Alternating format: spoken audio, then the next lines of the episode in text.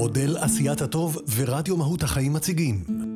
השיח הארגוני החדש, אומנות ההקשבה למי שאינו חושב כמוני. סוגיות מהותיות בעולם העסקי מנקודות מבט שונות ומגוונות. אז אפרופו אי ודאות, אנחנו מגיעים לאולפן.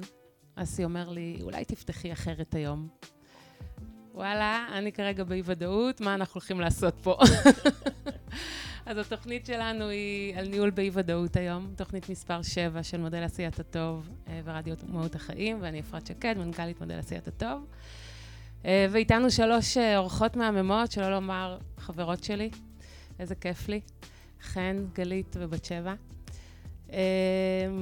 ואי ודאות פוגשת אותנו כל יום. אני חושבת שאנחנו באשליה כשאנחנו אומרים שאנחנו נמצאים בוודאות. אין לנו ודאות על כלום. הוודאות היחידה זה שאנחנו באי ודאות כל הזמן.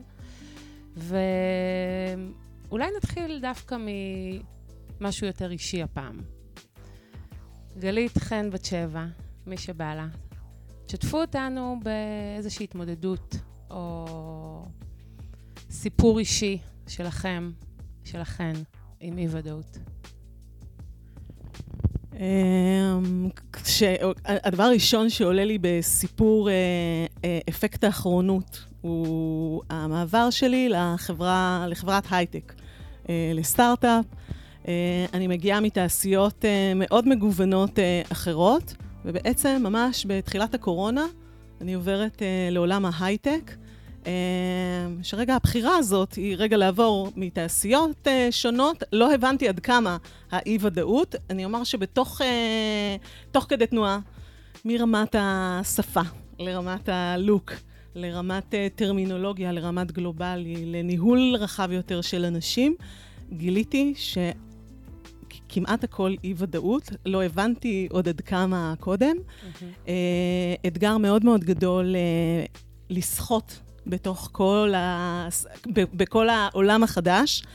אה, עם הרבה מאוד אה, מורכבויות, אתה בעצם מגיע עם אה, הרבה מאוד דברים מתוך עולמות תוכן שונים. ואני אומר שרגע העוגן מבחינתי בסיפור, כי הוא היה המון המון דברים. מה-R&D וה product, שרגע אומרים לי, רגע, תגידי ככה, תגידי ככה, תגידי ככה, כל היום מתקנים אותי. אל תגידי ישיבת אה, דירקטוריון, תגידי board, תגידי onboarding, offboarding, כאילו הכל, כל הזמן מתקנים אותי. אני אומרת משפט, ש- שני משפטים, מתקנים אותי לפחות על אחד. אה, להבנה שבסוף צריך איזשהו עוגן, uh, ואני אומר, החלק הראשון הוא, הוא באנושי. Mm-hmm. והמקטע השני, שאנשים באשר הם אנשים, לא משנה אם בהייטק, או בתקשורת, או בפיננסים, אמ, אז זה ככה כאנקדוטה מאוד uh, תמציתית. לשינוי שהיה מאוד uh, מאוד מאוד משמעותי אז עבורי. אז גלית גולד, רק תציגי את עצמך בסוף ההקדמה המהממת הזו. גלית גולד, VP HR של חברת Mend, אה, White Source לשעבר. חברה, אה, סטארט-אפ ישראלי, גלובלית, אה, 300 אה, אה, עובדים. בתחום ה business SaaS, B2B, מ-Application Security. אז אני לוקחת ממך כרגע אי-ודאות, אבל אנשים זה אנשים, וכשאתה מחובר לאיזשהו center שלך ומבין את זה, הכל אפשרי. לגמרי. היי, בת שבע משה, יזמת, אה, יושבת ראש של ארגון מהמם בשם יוזמות עתיד, עמותה, אה, שעוסקת בהעצמה כלכלית של נשים מהפריפריה באמצעות הקמת עסקים קטנים, ומנהלת הפעילות העסקית של וויקס בישראל, כולם מכירים את וויקס, אין צורך להרחיב, ועושה עוד מלא מלא דברים במלא ארגונים בעולמות החברתיים, ולמעשה אני מתחברת מאוד למה שגלית אמרה. אני צמחתי בעולם החברתי מתוך חלום, ערכים, הבנה שאני רוצה להשפיע, אני רוצה לשנות, אני רוצה לעשות אימפקט. אה, והייתי מעורבת בהרבה מאוד ארגונים. אה, עד שבתפקידי האחרון הייתי מנכ"לית של ארגון בשם יוניסטרים, עמותה מדהימה, גדולה, היום אה, שעוסקת בצמצום פערים בין ההייטק לפריפריה, בין המרכז לפריפריה, לא רק הייטק. ושנה לפני שהחלטתי לעבור עולם, הסתכלתי על כל ההישגים, על הצמיחה של הארגון, וקרו הרבה מאוד דברים מדהימים, ואמרתי לעצמי, אני הגעתי לתקרת הזכוכית של האימפקט. כלומר, התחושה שלי הייתה שאני היום מובילה ארגון חברתי גדול, משמעותי, מוכר, עם הרבה מאוד שותפים, אבל אני נמצאת בסגמנט מאוד ספציפי, אני מנכ"לית של NGO, והעולם רואה אותי בצורה הזו, ואני יכולה להגיע להישגים מסוימים בקונסטלציה הזו, ואני רוצה לפרוץ אה, ולעשות אימפקט עוד יותר רחב. והחלטתי לעבור לעולם העסקי, ומתוך העולם העסקי לרתום את הקולגות שלי אה, לעשייה, לעשייה חברתית, אה, וזו החלטה שקיבלתי, ואוקיי, מאיפה מתחילים? לכאורה עולמות אחרים לגמרי, חשבתי הייטק, כי הייטק היה נראה לי הכי קרוב לאימפקט. אז את אומרת, אבל קפצת במודע כן. מוודאות לאי-ודאות. לחלוטין. אה, וגם עשיתי את זה בתהליך, כלומר, תכננתי עוד שנה, עשיתי תהליך הכי מושכל. איך אני יכולה להיכנס לאי-ודאות? רגע, כן. תנו לי לחשב את זה. כן, בדיוק. אה, וגם תחושה של לעזוב את המוכר והידוע ועולם שאני שולטת בו, כנראה אחת מהכי שולטות בו במדינת ישראל, לעולם שלכאורה אני לא יודעת עליו שום דבר. אה, ו... והגעתי למסקנה מאוד דומה למה שגלית אמרה. אה, בסוף אמרתי לעצמי, אחד, צריך בחיים כדי להתקדם, לזוז מאזור הנוחות, ומה שנקרא לקפוץ למים.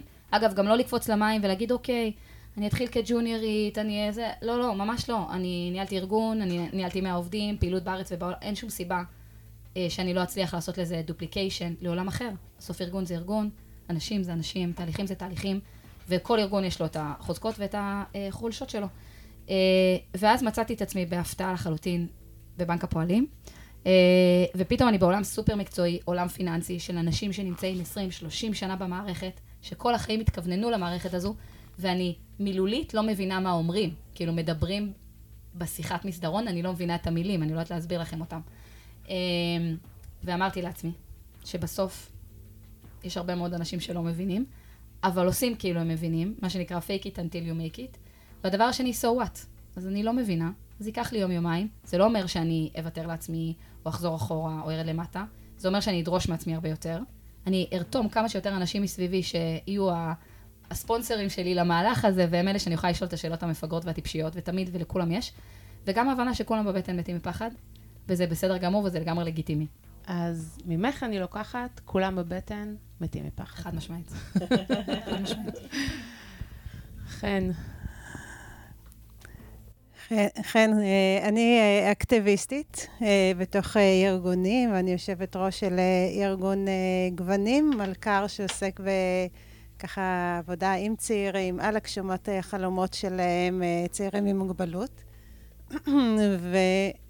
ואני מאוהבת בתקופה של האי-ודאות, ומה למדתי על עצמי? למדתי שאני הייתי בפסיכיות על overdoing. תכננתי כל דקה, כל שנייה, כל מאית השנייה מזמני. וזה לא עובד ככה. ובשנה האחרונה אני עושה פלנינג ל-60 אחוז. וזהו. ו-40 אחוז אני מקבלת באהבה המון הזדמנויות, והמון דברים שקורים, ואני לא מופתעת. וכשהייתי ככה ב-100 אחוז, כל הזמן הייתי מופתעת, או ממה יש לי, ממה יש לי להיות מופתעת? הרי ברור שיקרו דברים ויקרו בלת"מים. אז אה, אני, יש Intel inside מי, עבדתי באינטל במשך 20 שנים, ככה שרוב ה networking שלי מתוך החברה של אה, אינטל. נולדתי ברחובות ואני גרה ברחובות, זאת אומרת שרוב ה networking שלי היה מתוך רחובות. ואני חושבת שאחד הדברים שלמדתי על עצמי, זה שהיכולת להתמודד עם אי-הוודאות היא נטוורק וקשרים מאוד מגוונים. וקיבלתי החלטה ועזבתי את אינטל לפני שש שנים. מאז התאהבתי במעברים, עברתי שלוש חברות תוך שש שנים. הנטוורק העסקי שלי והנטוורק בארגונים של המל- המלכ"רים הולך וככה גדל. ואני למדתי שזה לא הגודל של כמות הקשרים החזקים והחלשים שיש לי, אלא כמה הם מגוונים. וככל שהם שונים אחד מהשני, ככה אני נחשפת יותר, וככה אי הוודאות קטנה. אז לתכנן 60% מהזמן שלי ולהתחבר לכמה שיותר אנשים ששונים ממני. אז לפי מה שאת אומרת, חן, דווקא עדיף שאי-הוודאות תגדל. האי-הוודאות היא אי-הוודאות, בזה אנחנו לא שולטים. אנחנו שולטים באיך אנחנו גולשים על הגל. איך אנחנו לוקחים את הגל הזה שקורה, ואנחנו גולשים עליו, ואנחנו מכירים אנשים, ואנחנו יוצרים, ואנחנו חווים, ואנחנו ממש אה, ממנפים את ההזדמנויות האלה, ו- ומבינים ש- שזה רק ילך ויהיה יותר ויותר ויותר. ו- ואני חושבת שזה מדהים. אני חושבת שזה ממש ממש מאפשר דברים מטורפים. החיוך לא יורד לי כבר מהפנים, כי שלושתכן דיברתם, אה, אם אני רגע ממקדת את זה, על, ה, על האדם, על עצמכן, על איך אתן, כל אחת בחיים שלה, אה, תפסה את זה ותופסת את זה היום, ושוחה עם זה וצוללת לתוך זה ועפה מעל זה. בואו נלך רגע אה, למעגל השני, למעגל של הארגון. אי-ודאות בארגונים זה תהליך מאוד מפחיד, שבדרך כלל מנהלים מתים ממנו מפחד, בבטן או לא בבטן, ו... ונוצרים uh, כל מיני כאוסים, ו... ובוקה, ומתחילים איזה פרוסס נעשה, ואיך נתפוס את זה כדי שהאי-ודאות לא תהרוג אותנו, סליחה על הביטוי הקשה. מה, מה זה, מה קורה עם אי-ודאות כשהיא מגיעה לארגון? אני אשמח להתייחס. קודם כל, אנחנו במציאות כללית של אי-ודאות, והיא מציאות כבר רבת שנים, בפרט במדינת ישראל, אי-ודאות ממשלתית, פוליטית, כלכלית, טכנולוגית, כאילו קורים כל הזמן דברים שאנחנו לא צופים אותם. בכלל, אנחנו מדינה עם disruption תמידי, בין היתר מסיבות ביטחוניות, וזו מציאות שפוגשת כל הזמן וכל ארגון, אה, וכל בן אדם. ואני חושבת שבסופו של דבר, צריכים לקרות פה כמה דברים. אחד, צריך להבין וכמה שיותר להכין את כולם, כולל את הצוותים, שהמציאות הזו קיימת גם ברמה האישית וגם ברמה הארגונית. ארגונים, יש להם מערכות שלמות של uh, ניהול סיכונים וכדומה. לפעמים זה מוסדר יותר, לפעמים זה מוסדר פחות. אבל אני רוצה רגע לדבר על מה שחווינו לפני שנתיים, וקצת פרוץ הקורונה ששיבשה את כל הארגונים ואת כל החיים של כולנו, והיו אנשים שזה גמר אותם, וארגונים שזה גמר אותם, והיו ארגונים שמהר מאוד המציאו את עצמם מחדש. מה היה ההבדל בין השניים? אחד, באמת רמת המוכנות לסיטואציה כזו, ארגונים שהם הרבה יותר אולי טכנולוגיים, והרבה יותר מהר אה, הצליחו לארגן את העובדים, ויש מערכת שליטה אולי יותר ברורה, ושקיפות, ושיח פתוח, ומערכת העברת מידע יותר מהירה. וברמה האישית, ואני כן רוצה להחזיר את זה לרמה האישית, אני חושבת שאם יש משהו שאני למדתי מהקורונה, זה לעולם לא לשים את כל הכדורים שלי ב- בסל אחד, את כל הביצים שלי בסל אחד, אלא להיות בן אדם שהוא מולטי, שיש לו הרבה יכולות שונות, שהוא מעורב בהרבה מערכות שונות, שלא כל החיים שלי נמצאים בארגון אחד, ומחר בבוקר מערכת התעופה נגמרת ומפטרים 90% מעובדי אה, התיירות ואני מוצאת עצמי בבית או וואטאבר, אלא להיות כל הזמן בסיטואציה, וזה קשור גם ליכולת שלך לנהל נטוורק מורכב, להיות כל הזמן בסיטואציה שבה אני מחזיקה הרבה, הרבה אינטרפייסס, הרבה יכולות, ואני גם כל הזמן יודעת שזה לא האם זה יקרה, זה מתי זה יקרה. ואני מוכנה נפשית לאירוע. ואיך uh, עושים את זה בארגון, כישות ארגונית? אני חושבת שגם כישות ארגונית, ואחד הדברים זה באמת, uh, לא צריך להגזים בסיטואציה הזו, אבל יש הרבה מאוד ארגונים שהאנשים, התכולת תפקיד שלהם משתנה בתדירות יחסית גבוהה. ואנשים לוקחים תפקידים, יש להם את התפקיד המרכזי ויש להם עוד פרויקטים מהצד. ואיך שהארגון בנוי הוא בצורה מטריציונית, יש כל הזמן אה, אה, הזדמנויות לעובד לעשות דברים, ללמוד דברים, להתפתח בדברים מחוץ ליומיום שלו.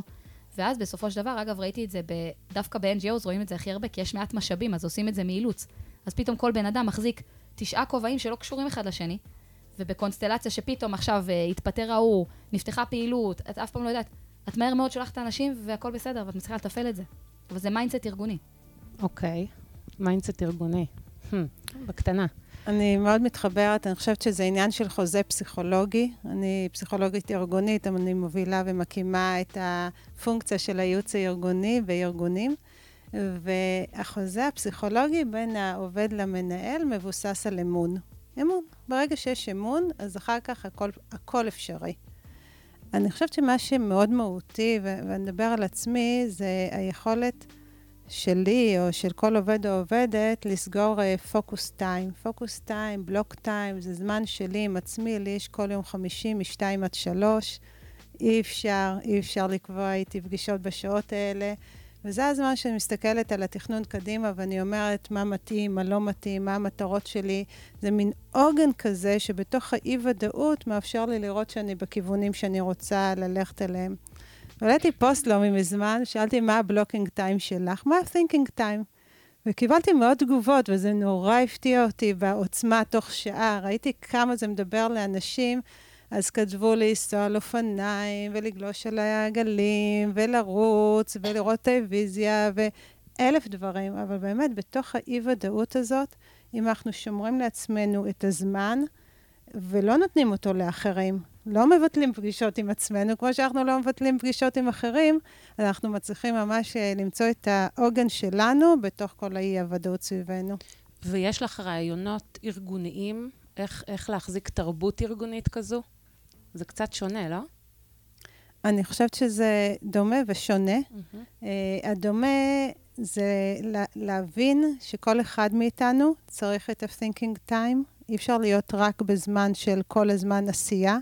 צריך לחשוב, לפעמים לעשות slow down to speed up, צריך לבחון את הדרך שאנחנו עובדים, את הצורה שאנחנו עובדים ביחד כצוות ו- וכל אחד לעצמו.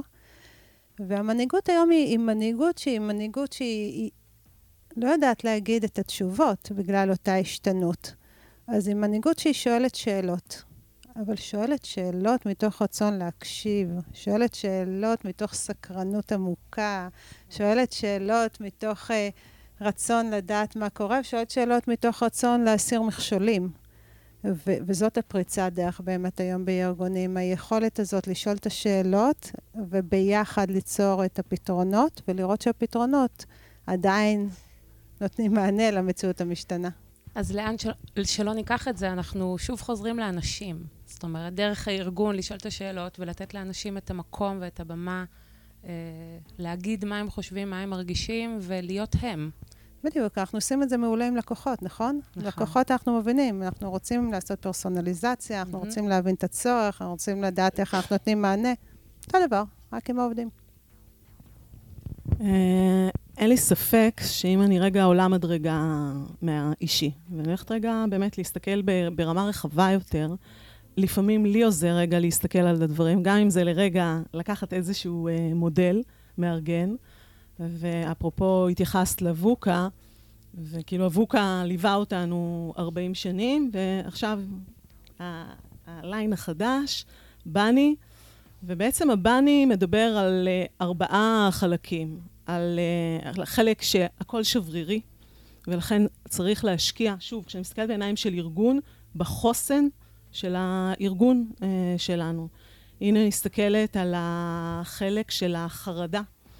צריך הרבה מאוד הקשבה, אפרופו דיברת, הקשבה אמיתית והרבה מאוד אמפתיה. אנחנו נראה לא מעט פעמים שאנשים משלימים את המשפט של... אנחנו לגמרי צריכים לעצור אה, ולהקשיב. אה, דברים הם לא ליניאריים. אה, אין סיבה ותוצאה. הכל, נתת דוגמה קודם, בת שבע, הקורונה, גם עכשיו, אנחנו גם נמצאים בתקופת אי ודאות, אז יש את המכחישים שאומרים, רגע, בואו נחכה שני רבעונים, נראה מה התל"ג, נראה אם באמת אנחנו במיתון או לא במיתון, וחלקנו מתחילים רגע להתארגן מחדש באיזושהי הבנה מאוד ברורה, אנחנו בתקופת אי ודאות. והחלק האחרון בעצם uh, מתייחס שאין שום דבר uh, מובנה. אין uh, דברים uh, שהם מאוד מובנים. ובתוך הדבר הזה אני כן חוזרת עדיין למנהיגות. בתוך מנהיגות יש לנו אנשים שיכולים לספוג את האי-ודאות, והם פשוט סופגים אותה. ויש את אלה שפשוט מעצימים אותה, ונורא מלחיצים, ואז מתחילים תוכניות uh, ומקצצים את הכל, והכל יוצא החוצה. ואנחנו מתחילים באמת מהמקום הזה של ההקשבה, החוזה הפסיכולוגי שדיברת. זאת אומרת, יש פה המון דברים שהם בעיניי, הם, הם, הם משני הכיוונים, בוטם אפ ו top down במנהיגות, ואני הרבה פעמים משתמש במילה מנהיגות, מנהיגות, גם כשאני מדברת על ראש צוות, כי בסוף זה איזשהו state of mind שיכול לייצר אה, שקט. אז אני רגע רוצה לאתגר אתכן, כי שלושתכן אה, יושבות בהנהלות בחירות. וישבתם בעבר בהנהלות בחירות אחרות, ואתן מכירות מגוון של ארגונים, מגוון של תעשיות, ואין ספק שבין אה, ארבעתנו יש הבנה וקונצנזוס על הדבר הזה. אבל כשאנחנו מגיעים להנהלות, מכל מיני uh, גוונים וצבעים, יש עדיין, פחות אולי קצת מפעם, אבל עדיין את הציניות ואת הסקפטיות, ואמון, בואי, והקשבה, בסדר, אבל בסוף יש KPIs וצריך להביא לתוצאות ולביצועים, ובואי, cut the bullshit. איך עדיין אנחנו שם? אני חושבת שבעיניי הקורונה, גם לציניקנים שבחבורה, אה, איזושהי הבנה שאני בעיניי תמיד שילוב של דאטה, של נתונים, של מדידה, לצד אה, אה, אה, ניהול אנשים באנושיות, אני חושבת שתפס איזשהו, איזושהי זווית. אין, אי אפשר לצפות את הכל. רגע, דיברנו לפני איזה מודל, אבל אני אומרת, בסופו של דבר, זו המציאות. כדי, אנחנו יודעים שבסופו של דבר, אנשים מתפקדים במיטבם כשהם בסביבה טובה, כשנעים להם, כשהם מוערכים, כששמים עליהם זרקור, כשרואים אותם, וכשאנחנו מתחילים uh, להיות בקצוות שלנו, ואנחנו מאוד שיפוטיים, מאוד דורסניים, אני, מה שמעניין אותי זה רק ה-OKR, ה-KPI, למדוד, ולא מעניין אותי בכלל אתה כאדם, אני חושבת שממש בקורונה ראינו את זה, זה היה הבית ספר הכי טוב uh, לכולנו בניהול ומנהיגות, לראות שאני, דווקא היום אני רואה את זה במשהו שהיום פתאום נתפס בפחות uh, ציניות, גם במקומות שהם כבר, uh, כלומר גם במקומות שאנחנו בסוף בהנהלות, שבסוף הכל נמדד, אבל אני אומרת, השילוב של uh, דאטה ולהיות uh, אנשים, זה בעיניי השילוב המנצח. אני חושבת, אני חושבת שבסופו של דבר, אנחנו צריכים גם להסתכל, מה שנקרא, בלבן שבעיניים. מי שנפגע, הוא נפגע. והחלטות קשות נעשות, ומי שכתוצאה מהחלטות קשות מקצצים אותו, מוצא את עצמו מחוץ, לסגר את העסק, לא משנה איזה סוג של החלטה ומאיפה היא נגרמה, מהמדינה, מהנהלה וכדומה, הוא באוטומט, באינסטינקט הטבעי שלו, הוא כועס והוא מתוסכל והוא מזלזל וכו' וכו' וכו', וגם אם זה נעשה בצורה מאוד אמפתית, זה עדיין מאוד מאוד כואב. עכשיו, יש הרבה דרכים, וראינו בשנה האחרונה כל מיני חברות שהיום הם היו בשווי משוגע, מחר הם פתאום, מהיום למחר, אה, שחררו את כולם הביתה והכריזו על פשיטת רגל. יש דוגמאות מהחודש האחרון לא חסרות, וכנראה שלצערי יהיו עוד כאלה. ואני לא חושבת שבאמת יש דרך טובה לנהל את זה. כלומר, דרך שבה יצאו עובדים ויגידו, וואלה, הוא יצא גבר, לא נורא, סבבה. זה כואב. כמובן שיש ציר בין, היה איזה סיפור, איזה חברה שהמנכ"ל שלח מייל, ואחר כך הוא פוטר, שלח מייל לעובדים אה, ועשה איתם שיחה. אם אתם, אם לא קיבלתם מייל על הפיטורים ואתם בשיחה הזו, אז אתם מפוטרים. כמובן שזה הקצה השני, ורוב החברות לא מתנהלות ככה, ויש הרבה יותר מודעות. אה, אבל בסופו של דבר, אני חושבת שכשכואב לנו, כואב לנו, ותמיד נכנס ותמיד תהיה את הציניות. ואז השאלה שוב חוזרת למקום שלי, כבן אדם שלוקח אחריות על עצמי, ומבין שהסיטואציה הזו יכולה לקרות, וכנראה מתישהו לאורך החיים, המקצועיים שלנו, אנחנו כבר לא בעולם של פעם שנכנסנו לארגון ויצאנו בפנסיה, כנראה שנחווה מאיזשהו צד של המערכה, כנראה שנחווה את זה באיזשהו שלב, ואנחנו שוב צריכים להבין שבסוף, בסוף, בסוף, אנחנו צריכים, אנחנו צריכים לדאוג לעצמנו, ואנחנו צריכים לדעת שזה יכול לקרות, והיום הוא המנכ"ל, ומחר ה board בהפתעה הזיז אותו. היום הוא הבטיח לי שאני מקבל promotion, ומחר הוא לא נמצא. זה קורה כל הזמן. וזה אומר, שוב, שאנחנו צריכים להיות מוכנים. אה, עם כל ארסנל היכולות שלנו, עם כל ארסנל הקשרים שלנו, ליום הדין, שמתי שהוא יקרה משני הכיוונים, וכשאנחנו בכיוון, ה, בכיוון הנכון של המשוואה, כשאנחנו בא מלמעלה ואנחנו מובילים את התהליך הזה, כמו שאת אומרת, אמפתיה, וכמה שיותר לנסות אה, לא לתת לאנשים ללכת הביתה בלי שמישהו דואג להם. ולפעמים אין לנו איך לדאוג להם, זה גם משהו שצריך להבין. לפעמים אין לנו יכולת לעזור להם, אלא רק לחבק אותם ולהגיד, באמת, I'm truly sorry, את היית באינטל, עברת את זה מלא פעמים לאורך ההיסטוריה כנראה, כי אתה יודע, זה היה אחת לכמה שנים, זה היה בטרנצ'ים שפגשו את האנשים בכניסה עם, ה, עם הקופסה. גם בעלי עבד באינטל, אז אני מכירה את זה. Uh, וזו מציאות שקורית. אז יש דרכים ויש דרכים, uh, וצריך מהצד של הארגון כמה שיותר לחבק, כמה שיותר להכין, כמה שיותר לספר באמת לעובד מה קרה, אבל מהצד של העובד להבין שבסוף אני צריך לדאוג לעצמי ולהיות מוכן לכל סיטואציה. אני אמשיך ואני אגיד ש... פעם היו מדברים על ביטחון פסיכולוגי. איך המקום העבודה הזה, אני אלך להיות, אה, דיברת על בנק הפועלים, כל החיים בבנק הפועלים, הוא מקבל קביעות, וזה הביטחון הפסיכולוגי שלי. היום מדברים על ביטחון פסיכולוגי, ארגון שנותן לי ככה את ההכשרה וההתפתחות, שתהיה לי קריירה הלאה. בסדר, ביטחון פסיכולוגי לחיים, שהמניה שלי תהיה עדיין רלוונטית. וזה גרם לי לחשוב על כל השיחה הזאת שאנחנו מדברים, אה, אמרת את זה אפרת, כטסקים ואנשים. אני חושבת שזה התנפץ, ובאמת, אני שנים שנים מדריכה עם הסלייד הזה של uh, מאזניים, של טסקים ואנשים, ואיפה זה, ומתי זה עולה, ומתי זה יורד. באמת שמחקתי אותו. כי אם הקורונה לימדה אותנו משהו, שזה כהיינו הך. כאילו, אנחנו מדברים על מנהל מגייס כמנהל מגנט. הוא יבוא או לא יבוא, ולפעמים המנהלת מגייסת. לפי מה יבואו לאותה מנהלת, או לפי, או לפי מה יבואו לאותו מנהל? אם, אם אותם מנהלים ידועים בזה שהם בקרינג, ומפתחים, ורואים את האנשים, יהיה להם טאלנטים יותר משמעותיים, והם יגיעו לתוצאות יותר גבוהות, זה פשוט...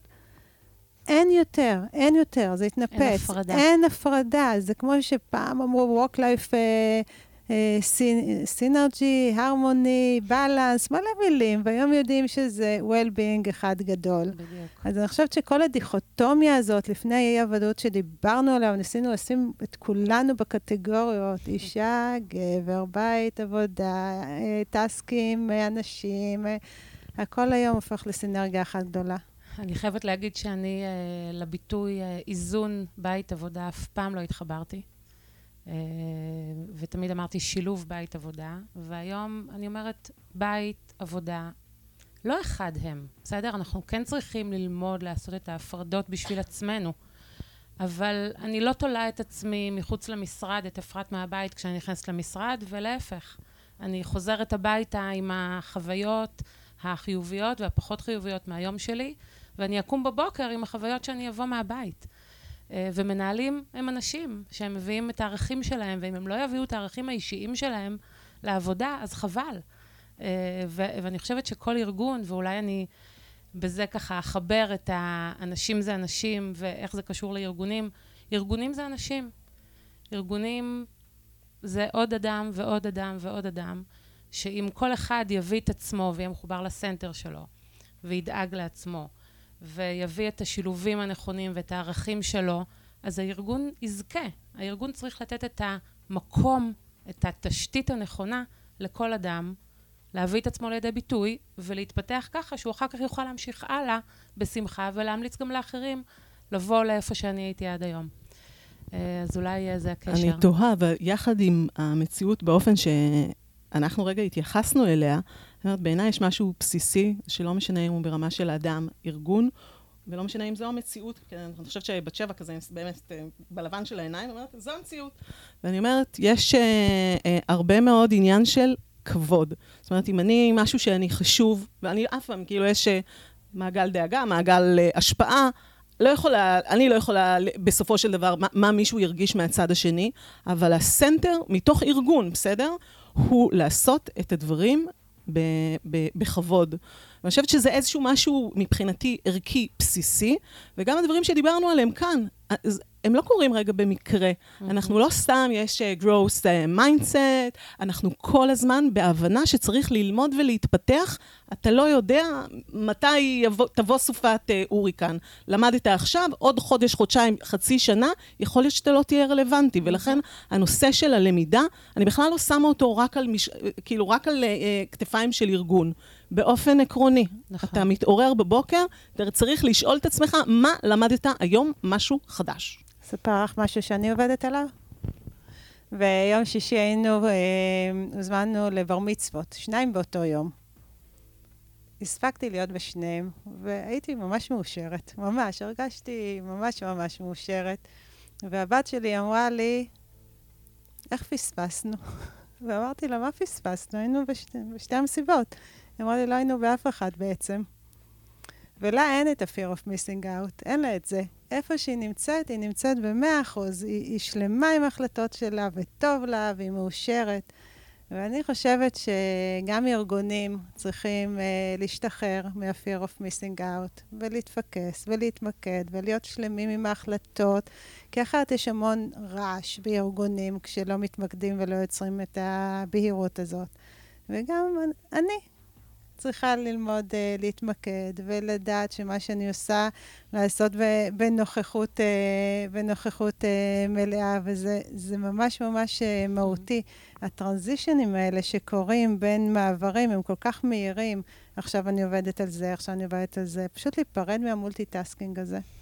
ולהיפרד מהאשליה שאפשר לעשות הכל בו זמנית. ומה שאני עושה, לעשות במאה אחוז. אני חייבת אבל להגיד, כשאתה נמצא בתרבות שהיא סטארט-אפ, אם מחר בבוקר הייתי מגיעה לרמי סאס, שהוא המנכ"ל אה, של חברת Mend, ואמרת לו, עכשיו אני עושה את זה, אני ממוקדת, אני כולי mind על, על ה... המציאות היא כזו, שה, שהמציאות שלנו היא כאוטית וקורים הרבה מאוד דברים. אני יכולה לעשות את המיטב, אבל אני אומרת, לפעמים קצב של ארגון, והייתי במגוון רחב של ארגונים, לא כולם היו בקצב, בטמפו כזה שהוא נורא מהיר, שלפעמים אין לך שום יכולת, אה, כן צריך מיקוד, אבל אין לך שליטה על קצב האירועים שקורים. אה, אני, אני אסכם את החלק הזה בזה שכנראה בסוף זה איזונים ובלמים, אבל בחירות מתוך מודעות. כי לא, אם אנחנו נפעל רק על אוטומט ורק אה, נגיב לסיטואציה, כנראה נמצא את עצמנו באי-ודאות אה, בריבוע. אה, אבל אם מדי פעם נחשב, נעצור פעם בשבוע ונשאל את עצמנו מה היה, ונלמד מזה, אה, ונדאג לעצמנו, אה, ונשלב את כל הדברים המדהימים שדיברתם עליהם פה, שהם, אי אפשר ללמוד אותם, והם בהתפתחות כל הזמן, ואנחנו כל הזמן צריכים לשאוף, לצמוח לשם, וזה לא נגמר. אבל זה טוב שזה לא נגמר, כי אנחנו בצמיחה מתמדת, כארגונים וכאנשים פרטיים. אמ, ווואלה, הלוואי, ש, הלוואי שנהיה ב, בסנטר הזה ובמודעות הזו כל הזמן כ, כמנהלות, כבנות זוג, כאימהות, אה, כחברות. אמ, ובאמת, אני, אני מאמינה שזה בסוף מה שיעשה לנו טוב כאנשים, וכשאנחנו מגיעים לעבודה, כשטוב לנו, אז אנחנו גם עושים טוב לארגון שבו אנחנו אה, פועלים ופועלות. אני רוצה להפתיע אתכם בפינה שיש לנו בתוכנית. ועכשיו, פינת ההפתעה. דבר אחד עליי שבחיים לא הייתם מנחשים. בום. כן, כן, אני רגילה לפרצופים האלה. איזה אי-ודאות. לא רק לי עשיתם אותה בתחילת התוכנית. אז דבר אחד שבחיים לא היינו מנחשים ומנחשות עליכם.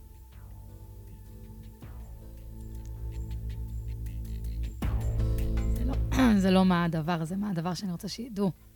כאילו, יש לי מלא דברים שלא הייתם מנחשים, אני לא בטוחה שאני רוצה לשתף אותם ברדיו. צריכה רגע לחשוב על זה.